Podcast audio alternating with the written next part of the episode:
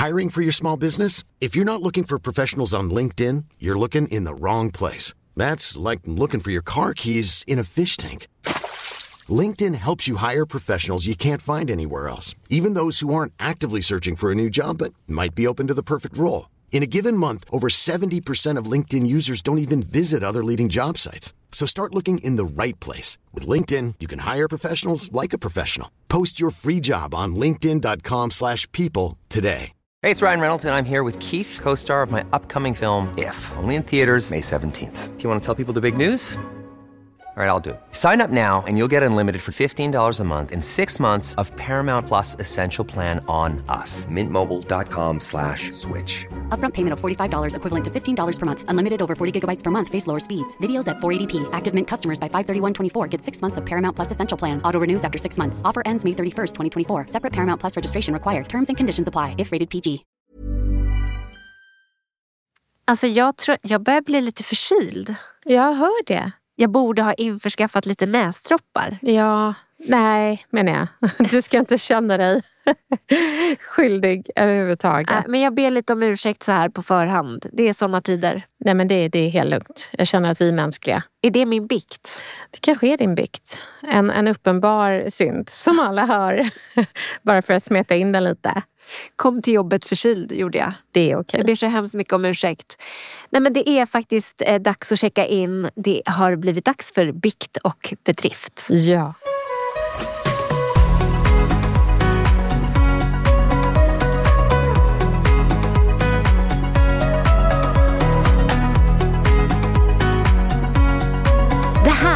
Snacka snyggare Med Elaine Eksvärd. och Camilla Samek.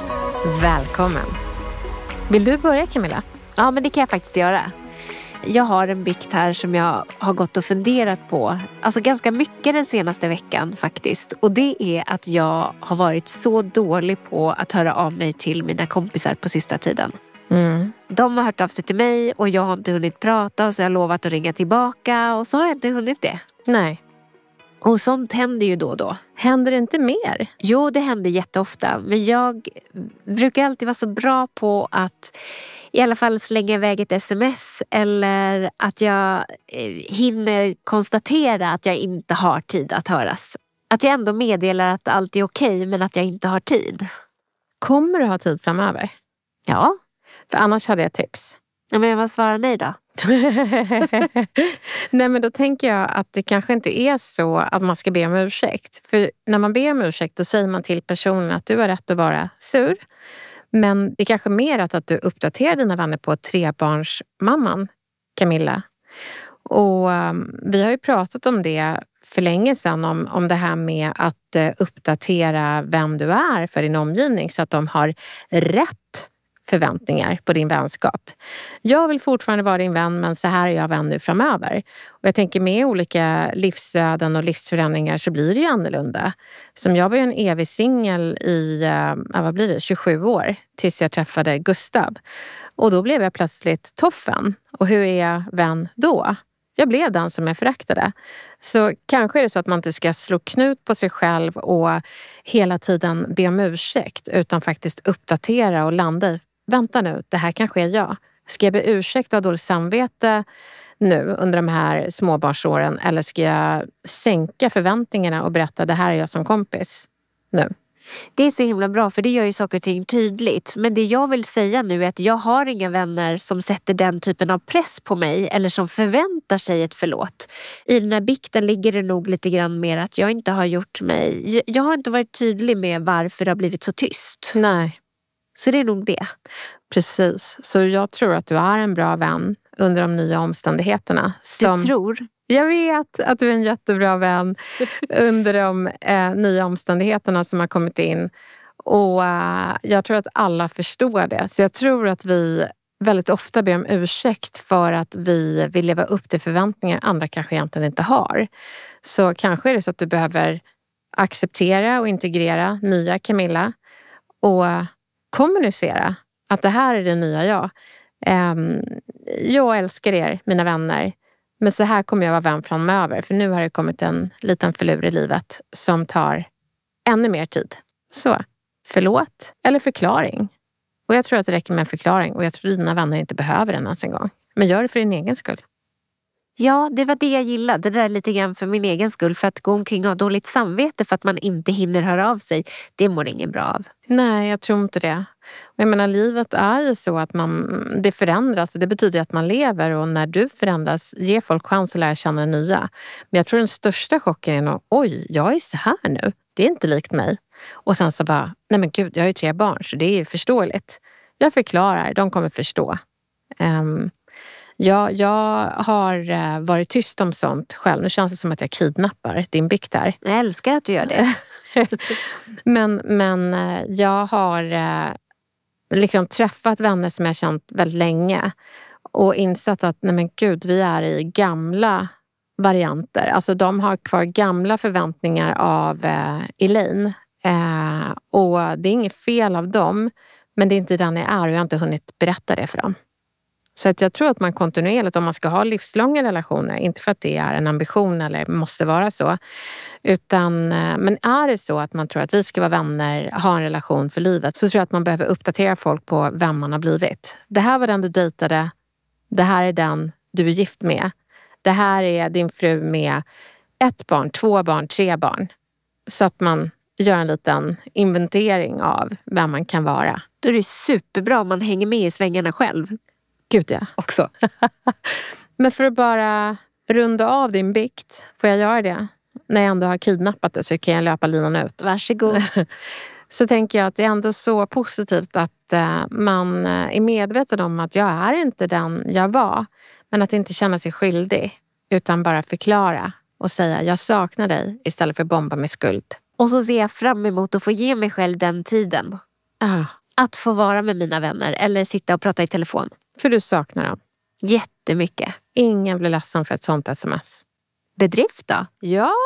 ja! Nu kvittrar det till här. Jag vet inte varför det är så svårt att hitta bedrifter men där får jag leta, leta, leta. Jag tycker det är så härligt att man hör att du ler. Ja! Det kan man liksom så här, när någon berättar sina fina egenskaper så kan man höra att folk ler över telefonen. Det är man blir så glad att man har några. nej men Gulla, du är så ödmjuk. Nej men man blir så glad. Man är, blir glad om du hittar en bedrift. Ja, vissa blir det, men vissa är fulla av dem. Och sig själva. Och de ler hela tiden. Jag sprang en mil. ja. Alltså du ler så stort så jag ser din snus. Jag vet. Jag har sån liten överläpp. Den syns ju liksom inte när jag ler. Nej men alltså du ler så, så, så stort. Mm, tack för att du poängterar det. Det är mer tandkött än vad det är tänder. Bedrift. En, nej men en fråga bara. Ja. Det är inte så att du kan lägga snusen längre in mot käken till? Jag vill ha den här. Ja, jag bara undrade. Vi går vidare då. Stör den dig? Nej, absolut inte. Det var bara ett litet förslag. Eller jag vet inte, det var nog en fråga. Ja, ja. Nej, men det var ett jättebra konstruktivt förslag. Jag ska försöka göra det. Vi går vidare till min bedrift då. Ja. Jag var inlagd i veckan för en liten dagoperation och jag var så himla rädd precis när jag skulle sövas. Mm. Och jag vet inte eh, varför men jag tror att jag är så trött uh, just nu för att jag har en bebis som aldrig sover och jag bara fick för mig att tänk om jag är så trött så att jag aldrig vaknar igen. Att kroppen bara, nu passar vi på och sover för alltid. Ja, nu sover vi så gott. Vilken jädra ångest. Hade ångest faktiskt, mm. uh, kan man säga. Och då var det ju så här att ibland så när det är rätt person på rätt plats, då är det så fint. Mm. För den här narkossköterskan, hon kan till och med ha varit narkosläkare. Jag mm. minns inte. Men hon var den tryggaste och finaste man kan tänka sig. Och hon tog hand om mig så himla väl inne på operationssalen. Och när, jag, när hon skulle söva mig så var hon så lugn och fin. Och jag, alltså jag vet bara att jag blev så lugn och fick somna så himla gott. Och sen när jag vaknade så var jag bara så lycklig. Mm. Att, att jag var vaken igen. Mm. Det gick ju bra. Ja. Och då fick jag ju då träffa min läkare, fick veta hur det hade gått och så vidare. Och så vidare. Och sen fick jag ta på mig mina kläder igen och sen skulle jag åka hem. Det var bara det att jag kände att jag behövde förmedla hur tacksam jag var innan jag åkte hem. Bra, för det är inte alla som gör det. Nej, och det hade jag nog inte heller gjort om inte den känslan var så stark i mig att jag kan inte, jag kan inte bara åka härifrån utan att berätta hur tacksam jag är. Så då pep jag in igen till uppvakningssalen där jag hade vaknat och så bad jag sköterskan som hade hand om mig där att berätta hur tacksam jag var och hur hon gjorde hela skillnaden för mig. Och hur jag kanske inte kommer vara lika rädd nästa gång jag ska sövas. Mm. För att jag fick en så fin upplevelse. Nej, hon var bara så underbar och då såg jag på den här sköterskan att eh, att hon också blev så glad för den här feedbacken och sa att hon kommer bli så glad över att, du, att, att det här var så bra upplevelse för dig. Ja, och hon kommer få energi och ge det där lilla extra till nästa patient. Wow. Så det tyckte jag var bra, att jag inte åkte hem utan att jag faktiskt vände och gick tillbaka in. Det tog mig två minuter. Det var inte ens Alltså det kostade mig ingenting. Så summan av kardemumman, eftersom jag tycker om att vaska fram lite tips, är det är fint att tänka snällt, men det är gudomligt att säga snälla saker. You're a goddess. Ja, nej, det skulle jag inte säga. Nej, för det skulle aldrig en gudinna säga. Men jag kan tycka att det här är lite samma sak. Nu tycker jag i och för sig att det var viktigare för att hon har ett så viktigt jobb och det är så, eh, gör så stor skillnad för en patient. Mm. Men jag kan tycka att det är lite samma sak som när man tänker snälla saker eller fina saker och så säger man dem inte. Mm.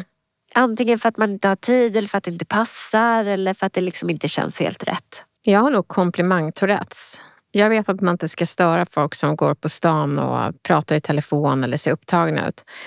Men jag tror aldrig någon blir störd för en komplimang som kuppas in. Komplimangkuppar, är inte det ett jättebra ord? Jo. Ja, men då gör ju inte jag så att jag viftar framför den personen och bara ursäkta, ursäkta. Utan jag gör liksom så här, uh, kroppsspråksrörelser. Att jag tittar med stora ögon och gör så här uh, fantastiskt med kroppsspråk. Wow! Eh, och så kanske peka på personens skor. Det brukar killar gilla för de har alltid rena skor. Jag fattar ingenting. Och det imponerar mig. Vad träffar du för killar? Nej, men de går på stan och jag bara ser wow. Jag har uppmärksammat det för att jag fick komplimang för ett par skor jag hade. Och, för det var något märke med någon fågel på Okej. som flög och den var färgglad. Och det var bara, jag hade jättebråttom och jag insåg att jag tog på mig fel skor och det ser inte bra ut. Och det här är en bransch där man ska vara lite välklädd.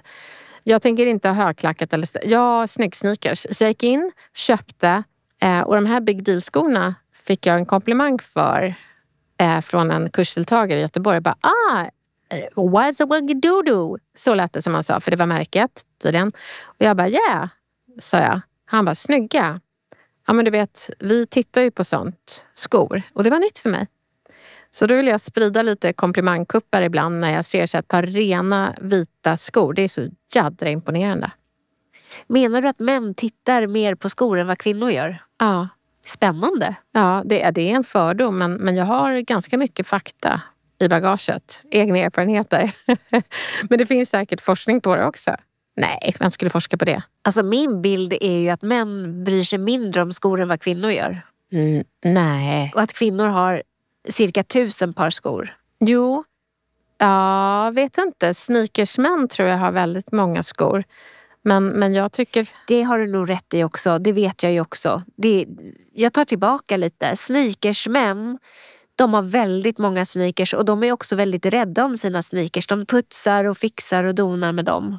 Ja, Jo, det är nog sant. ja men precis. Och sen så tror jag inte att... Men så här kostymsko eller den typen av sko, det är inte, det är inte riktigt samma. Men de putsar de också. Ja, det är klart att de putsas. Men det är inte så här, åh, nu har jag det senaste.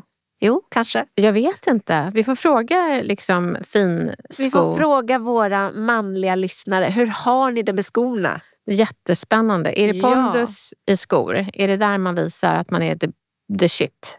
The shit skor. Och gäller det även som kostymfinsko eller har man eh, sneakers till kostym och då ha ett par extra snygga? Alltså, vi skulle kunna göra ett helt avsnitt av signaler som män skickar i sin klädsel. Som den här typen som liksom har en glansig kostym och så ett litet pärlhalsband från barnet. Jag, jag tycker det var autentiskt för tio år sedan. Men nu tror jag att folk använder det strategiskt. Kolla vad skön jag är. Jag är framgångsrik och Pappa. Alltså så här, det var imponerande 2011, tror jag det var, när vår förra statsminister Fredrik Reinfeldt hade ett eh, Bamseplåster på sig. Det var så här, åh. För det var så ovanligt. Men nu är det jättevanligt. Men Och- du stör dig på detta hör jag. Nej, jag stör inte mig på det. Jag funderar på om det är strategiskt. Ibland. Det är ett jättespännande avsnitt. Ja, vi får fundera på det. Signaler vi skickar i våra kläder. Mm. Kläder talar. Mm. Nu, nu kuppade jag din eh, bedrift också med komplimangkuppar kring skor. Men det jag vill säga bara är så jädra bra att du gav narkossköterskan komplimanger. Och låt oss eh, komplimangkuppa framöver. Ja, mer komplimanger.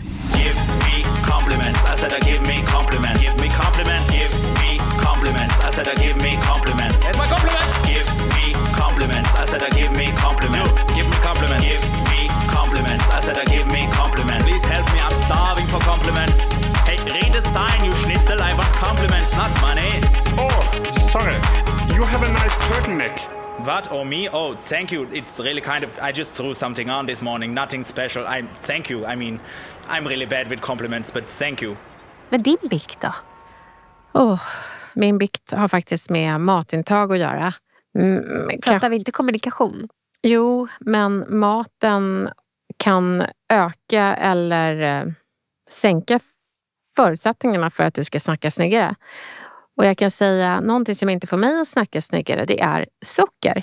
Um, så jag har ju uh, bara testat att leva sockerfritt i två veckor. Och det har ju lett till att jag kan röra mig bättre, jag har ett jämnare humör och så vidare. Men så hade vår dotter över en kompis och vi kom på den briljanta idén att vi skulle åka förbi Candice. Och det är ju, alltså när jag var liten trodde vi att Pippi, när hon skulle köpa ett ton godis, att hon kom till himlen. Men det där var bara första stadiet av paradiset. Det finns tio till. Och av någon anledning så glömde jag bort det här med mina leder och, och så. Så jag, Lätt hänt. Ja, men det är det. Och jag köpte det mest kemiska man kan tänka sig. Och um, Man ska ju vänta efter middagen, men jag sa, ska vi busa? Det är mitt favoritord. Eh, min favoritmening till eh, barn. Ska vi busa? De bara, ja. Och så äter vi godis. Och jag åt och åt och åt och åt. Och jag var inte trevlig resten av eh, helgen. För det blir så påtagligt när man inte har tagit det här under två veckor. Den baksmällan man får. Sockerdippen och, och inte bara det. Jag får eh, eksem av socker. Va? Ja, nej men jag, det är en väldigt tydlig korrelation. Så det var ju en väldigt bra lärdom. Osisund då? Ja. Så utan att gå in på detaljer så kanske inte jag har varit den bästa mamman, partnern. Eh, Utan det var ju sockret som spökade. Så vad händer nu? Har du stramat åt igen då? Inget mer socker? Ja, men det blir ju lättare när jag märker vad det kostar. Alltså den njutningen från att man stoppar... Oh, gud vad godissugen jag blev nu.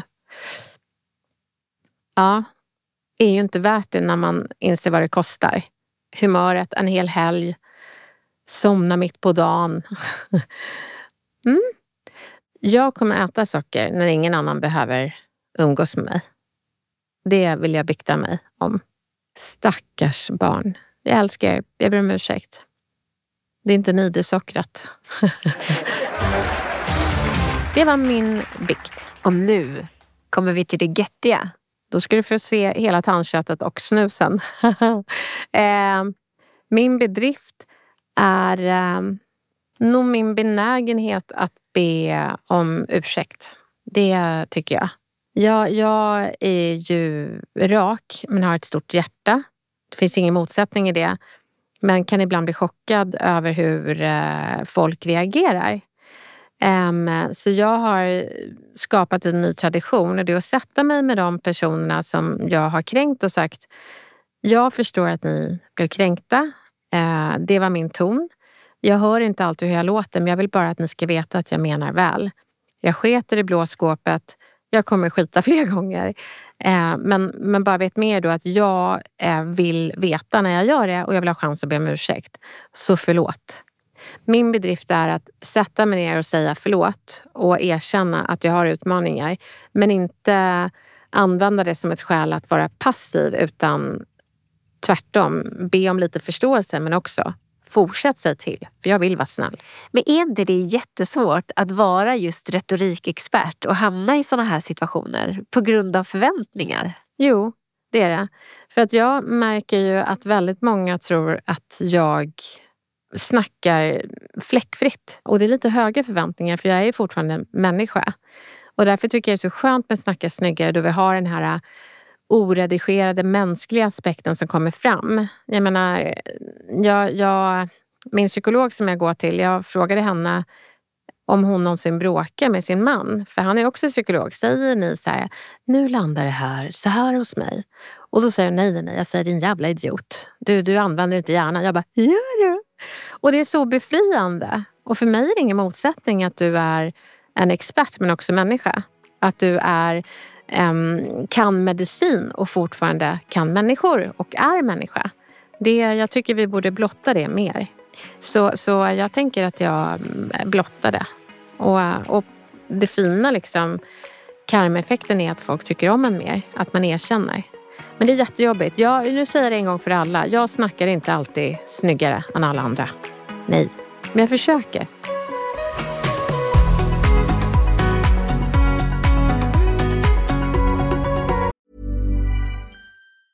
Many of us have those stubborn pounds that seem impossible to lose, no matter how good we eat or how hard we work out. My solution is PlushCare. PlushCare is a leading telehealth provider with doctors who are there for you day and night to partner with you in your weight loss journey. They can prescribe FDA-approved weight loss medications like Wagovi and Zepbound for those who qualify. Plus, they accept most insurance plans. To get started, visit plushcare.com slash weight loss. That's plushcare.com slash weight loss. Hiring for your small business? If you're not looking for professionals on LinkedIn, you're looking in the wrong place. That's like looking for your car keys in a fish tank. LinkedIn helps you hire professionals you can't find anywhere else, even those who aren't actively searching for a new job but might be open to the perfect role. In a given month, over 70% of LinkedIn users don't even visit other leading job sites. So start looking in the right place. With LinkedIn, you can hire professionals like a professional. Post your free job on linkedin.com slash people today. Ja men vad skönt, då var vi incheckade och klara, biktade och eh, bedriftade. Mm. Så bra. Lika skönt varje vecka. Nu ska vi prata om någonting som jag tror att nästan alla kan förhålla sig till. Och det är den här känslan av att väldigt gärna vilja bli omtyckt av alla i olika sammanhang. Jag vet att en jättestor del av mig vill bli omtyckt och jag tycker absolut inte om känslan av att inte vara omtyckt. Mm. Kanske är det också en del av det som spär på det här med konflikträdsla. Mm. Att man helst inte vill hamna i konflikt för man är så rädd att, att folk inte ska tycka om en. Mm. Det här väcker så många tankar i mig. Um, jag tycker att alla ska släppa den här viljan att bli omtyckt. För att uh, jag tänker att vi friserar de vi är och då kommer inte de som kommer älska oss för de vi är att hitta oss. För att vi har liksom ett filter av hur vi spelar någon som vi tror är likable. Medan jag tror varenda en är likable och jag tror att varenda en här på planeten är unika. Och um, som, som en eh, fantastisk journalist sa till mig när hon berättade för mig att hennes barn gick igenom jobbiga saker eh, i skolan för att eh, hennes barn är väldigt unikt och passade inte in men kompromissade inte och försökte inte vara någon annan. Utan det här är jag och folk tycker inte om mig men det här är jag. Och då sa hon något så fint. Hon sa, du kommer hitta ditt gäng. Den meningen tycker jag är så här, wow, du kommer hitta ditt gäng. Och det kan, de kanske inte går på din skola, men du kommer hitta dem. Och eh, barnet hittade sitt gäng och var lojal mot eh, både sina gränser och den man är. Så jag tänker det att, att konflikträdd, det är ju en sak man kan vara, men jag tycker det är bättre att vara rädd om sina gränser. Men jag tänker det att ibland gör vi saker av misstag, helt i onödan i vårt kroppsspråk, i vårt röstläge, som gör att folk missar att du är likable. Och då handlar det inte om att du ska göra våld på din personlighet och dina intressen, utan det handlar om att du ska ta kontroll över din kommunikation för att skicka rätt signaler så att folk får lära känna den här fantastiska människan du är. Och då finns det fantastiska retoriktips. Det är ju skönt att veta att det finns ett gäng retoriktips och de ska vi såklart få idag. Men det jag undrar är till exempel hur viktigt är det för dig att bli omtyckt? Nej, men det är ju väldigt viktigt i... Um, jag tror att det är viktigt för alla, men framförallt när jag har ett viktigt budskap så vet jag att om inte folk tycker om mig så spelar det ingen roll vad jag har att säga och då missar de det här viktiga budskapet. Så då är det inte riktigt viktigt för mig att bli omtyckt utan viktigt att de tycker om mig för att det är viktigt för mig att de tar in budskapet. Så om det är en transportsträcka, jag ska vara ärlig, jag bryr mig faktiskt inte så mycket vad folk tycker och tänker om mig. Jag vill bara inte att de ska känna att jag är en person som inte respekterar dem, en som är dum och sådär. Basics. Men sen behöver inte vi bli bästa vänner. Det viktigaste för mig när jag jobbar är att du får mitt budskap. Och då vet jag att det är tre känslor du behöver väcka. Välvilja, folk behöver tycka om dig. Trovärdighet, de behöver tycka att du eller någon annan är trovärdig som håller med om budskapet. Och tre, de behöver bli nyfikna på ämnet. Så tyvärr är det så för de som vill bli omtyckta och de som inte bryr sig att du behöver bli omtyckt för att de ska ta in det du säger. Det spelar ingen roll hur bra budskap du har. Det står inte ensamt, utan budbäraren spelar roll. Okej, så det är ganska positivt att kunna den här konsten. Då. Men vilka dörrar kan det öppna för dig om du blir bra på det här och kan behärska det? Du kan eh, landa ett jobb. en dejt såklart. Det är väl ganska fundamentalt där. Men, men också om du har en idé till eh, jobbet som bara är så här, det här kommer förändra saker till det bättre för precis alla kollegor. Men om då välviljan, det vill säga att folk inte tycker om eller tycker om dig, skulle stå i vägen, då, då missar de ju möjligheten att ta till sig den här fantastiska idén som du har för att de inte tycker om dig. Det är så dumt med någon som bara, jag håller inte med dig av princip för jag tycker inte om dig. Och där är vi människor så jädra primitiva att vi är benägna att rösta på en partiledare vi tycker om utan att känna till förslagen. Så så lite dumma är vi. Så är du bara tillräckligt omtyckt så skulle du kunna få igenom en ganska dålig idé. Exakt. Och väldigt bra idéer kan eh, falla platt om folk inte tycker om dig. Så gör det för den sakens skull. Jag tycker att man ska vara där man är. Men ibland så behöver man använda vissa knep för att folk ska ta till sig budskapet. Då behöver du vara likable. Då Elaine vill vi ju såklart lära oss hur man gör det här. Jag, är, jag kommer suga åt mig som en svamp. Bra. Okej, vad är det första jag ska tänka på då? Det första är att vi tror att de som kopierar vårt kroppsspråk och speglar det med några sekunders efterdröjning förstår vad vi säger. Jag lyssnade på ett jättebra poddavsnitt av eh, Lex Friedman som intervjuar Chris Voss som är en sån här FBI-förhandlare, eh, agent som har intervjuat terrormisstänkta och fått dem att prata. Inte genom det man traditionellt tänker att det liksom är en lampa i ansiktet och hälla kallt vatten över dem och så vidare. Utan han använder empati som eh, medel för att få dem att prata. Och det är att han liksom speglar kroppsspråket och också upprepar det de har sagt. Så man speglar inte bara i när du lutar dig bakåt så gör jag det med några sekunders fördröjning. Utan när du säger någonting så säger jag samma sak. Och då får de en känsla av att du är på deras sida. Men han lurar inte dem till att jag håller med dig, utan han bekräftar bara att jag hör vad du säger. Och det inger en känsla av att jag tycker om dig, för du säger det jag har sagt. Så äh, empati i förhör, det är liksom evolutionen av den här gamla skolans bara eh, bad cop, good cop och så vidare. Nej, utan bara good.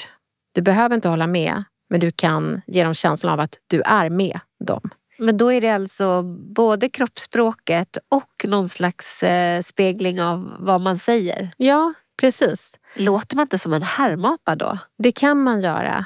Men, men det finns sätt att göra det här på ett bra sätt.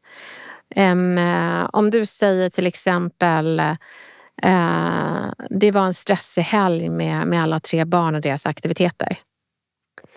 Vi hade en jättestressig helg med alla barnen och aktiviteter och kalas. Och... Ni hade en stressig helg med alla barn och aktiviteter.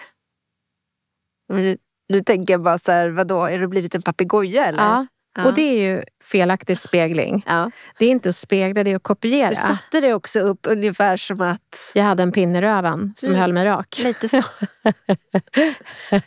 och eh, så ska man inte göra. Utan då, då märker man att du har läst en bok och du har tagit allting bokstavligt.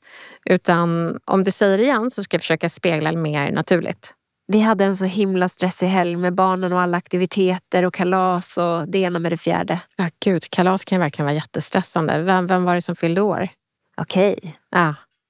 Så att det handlar mer om att jag stannar hos dig. Jag kidnappar inte fokus och säger ja, jag med. Jag hade så jobbigt och det var två kalas. Utan sådana människor gillar vi inte. Och det finns de som gör den missen att de tror att jag ska visa att jag är som du. Men det ska du inte göra utan du ska stanna hos personen och säga berätta mer. Vad var det som var jobbigt? Liksom. Och, och känn in det.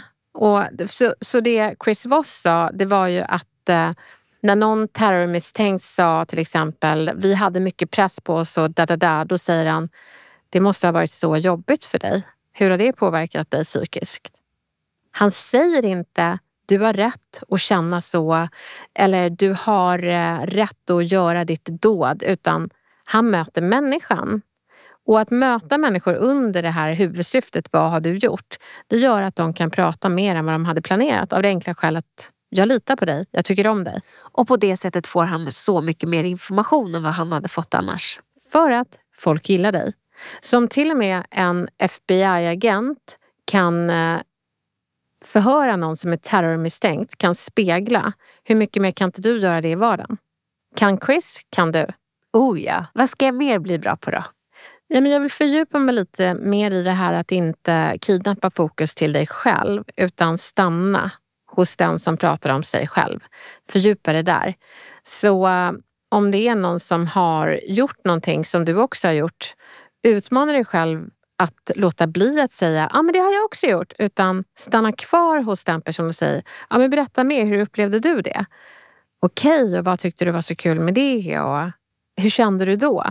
Så, men det ska aldrig kännas som en dålig Chris Voss att man förhör, för då kan det bli obekvämt. Så eh, vi testar ett förhör så att det blir lite obekvämt. Berätta vad du gjorde i helgen. Det var så himla mycket fotbollsmatcher i helgen. Det var nästan så att jag inte hann från den ena till den andra. Hur många var det? Eh, va? Ja. Hur många var det fotbollsmatcher? Eh, vad var det? Fem matcher var det. Vilka spelade mot varandra? Ja. Jag kommer inte ihåg alla lag. Kommer du ihåg barnet som spelade? Du är ju för härlig Elsa. Nej, men då är det ju ett förhör. Jag blev blev matt. Jag blir matt av att ställa frågorna. Det blir inte det här, åh, jag tycker om dig, utan du är en dålig FBI-agent. Du är en dålig Chris Voss som förhör mig. Det du ska vara är att säga, men gud, det måste ju verkligen kännas jättejobbigt. Eh, Fem matcher? Men det var det inte, va? Var det fem matcher? Nu blev jag lite förhör här. Jo, det var det. Oj! Ja, det var kupp. Nej, det var olika dagar och olika barn. De spelar väldigt mycket fotboll. Hur många barn har du?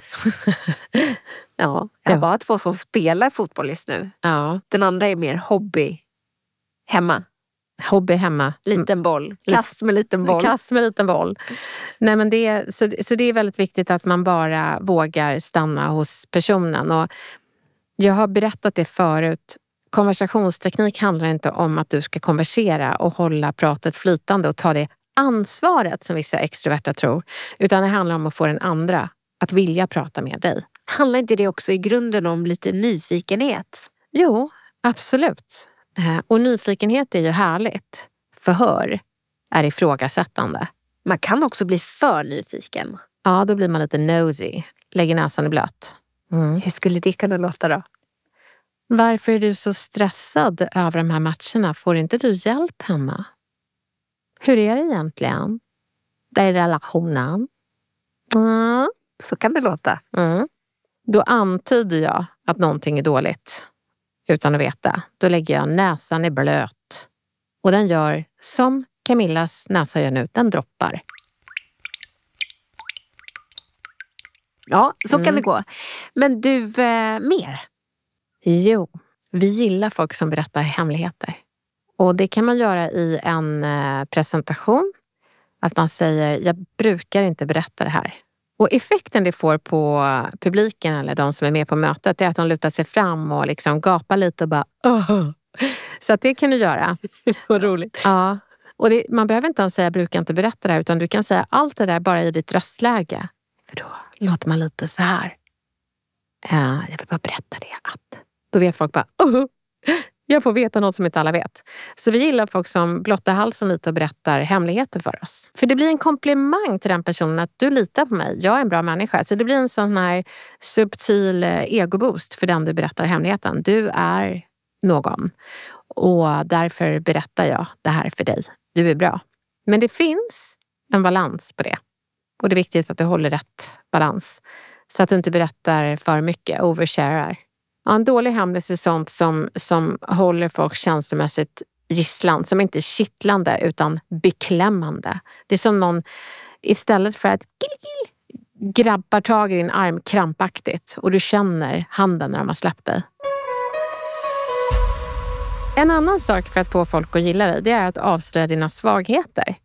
Många kan köra liksom, ja, lite skrytkalas för att desperat få folk att tycka om en. Men då blir det lite som, jag tror att det var Anchorman som sa I don't know if you know this but I'm kind of a big deal. People know me. Okej. Ja. och då tror jag folk kan känna sig lite övermätta på skrytkalaset. Så det du kan göra är faktiskt att eh, blotta dina svagheter. Jag ska berätta något kul. Förra veckan hade jag en heldagskurs i presentationsteknik. Och då ger jag en disposition för att skryta snyggt och det är skryt, skryt, erkänn, skryt. Efter det hade hela rummet en presentationsrunda av sig själva. Och det handlar inte alls om att skryta utan bara berätta vem man är. Um, och då var det en som använde motsatt disposition. Han körde erkänn, erkänn, skryt, erkänn. Och folk älskade honom. Det var liksom så här, så att du, du, vi kan till och med slopa skryt, skryt, erkänn, skryt. Utan erkänn, erkänn, skryt, erkänn. Så han erkände massor med saker som var så här härliga och man garvade och så. Och skrytet kom lite i förbifarten och det var en sån här riktigt håll käften-titel. Sen så, ja, jag är doktor i det här och ja, men i alla fall. Jag är ändå rädd för mörkret. är ni med? Så man missar inte det där fantastiska skrytet. Men det blir så himla mycket härligare när människan får vara runt omkring. Och vad är det för svagheter då som man skulle kunna ta, ta fram som inte blir för mycket? Ja, men nu kommer jag ihåg hur han gjorde. Ehm, Men han vävde in det väldigt bra.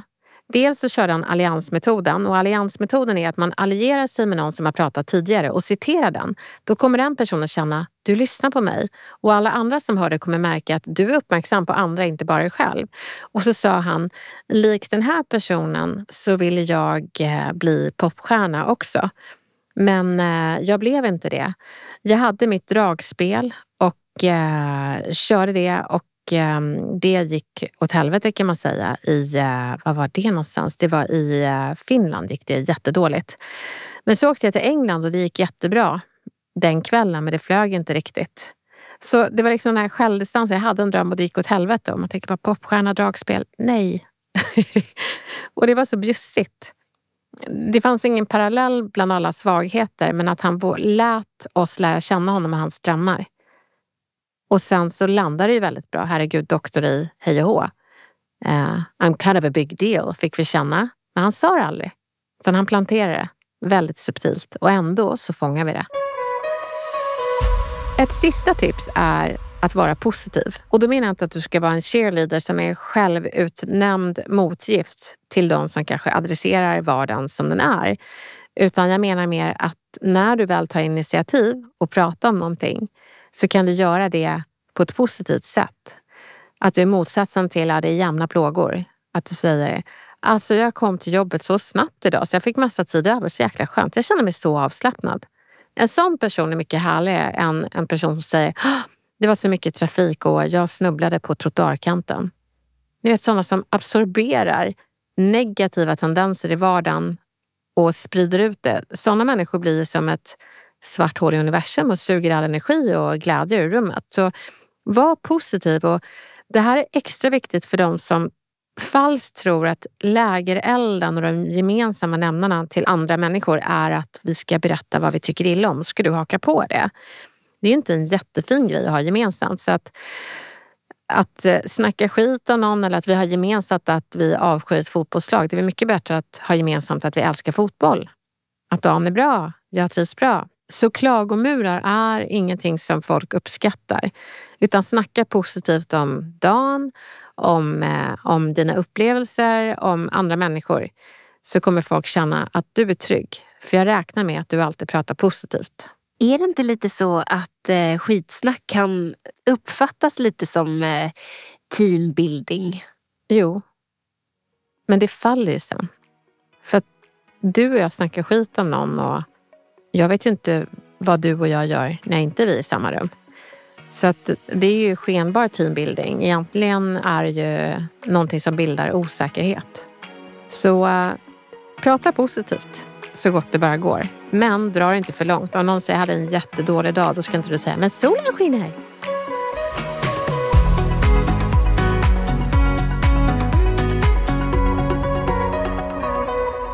Så för att få folk att gilla dig så ska du, kära poddkompis, självklart vara dig själv och värna om dina gränser. Men för att inte misstas för någon som kanske är ointresserad och unlikable, så spegla kommunikationen i ord och kroppsspråk. Utan att bli en härmapa. Väldigt viktigt. Låt fokus stanna hos den du pratar med. Kidnappa inte fokus till dig själv med ord som “jag med” utan stanna och säg “berätta mer”. Berätta en hemlighet. Men låt den vara en hemlighet som man orkar höra. Gärna en hemlighet som kittlar, men inte någonting som känns som att du dumpar en bomb i knät. Våga visa svagheter. Erkänn, erkänn, skryt, erkänn. För vi gillar ju mänsklighet och människor. För vi är ju människor. Och var positiv. Glaset är inte halvtomt utan det är halvfullt. Berätta det. Och varför är det här så viktigt? Jo, men om vi tror på en rättvis värld så borde alla ha rätt att kunna uttrycka sig på ett bra sätt. Bra idéer borde få flyga. Så för att din idé ska flyga, oavsett sammanhang, så är det väldigt bra att känna till att jag kan minska transportsträckan till att övertyga folk genom att de helt enkelt tycker om mig. Och då kan du ta till de här knepen även när det känns lite obekvämt. Likeable gör det sannolikt att du inte bara får ut ditt budskap utan det går in också. Även hos dem som först inte tyckte om dig, men nu gör de det lite mer för att du kunde de här knepen. Ja, då ska jag hem och öva på hur jag blir likeable. Det är du redan Camilla. Ja. Ja, och det är ju alla. Men jag tänker att vi kan... De flesta. Precis. Men det vi alla kan öva på är hur vi kan bli ännu mer likeable. Det är så viktigt för att få ut sitt budskap så att det landar väl. Och vi hörs snart igen. Det gör vi.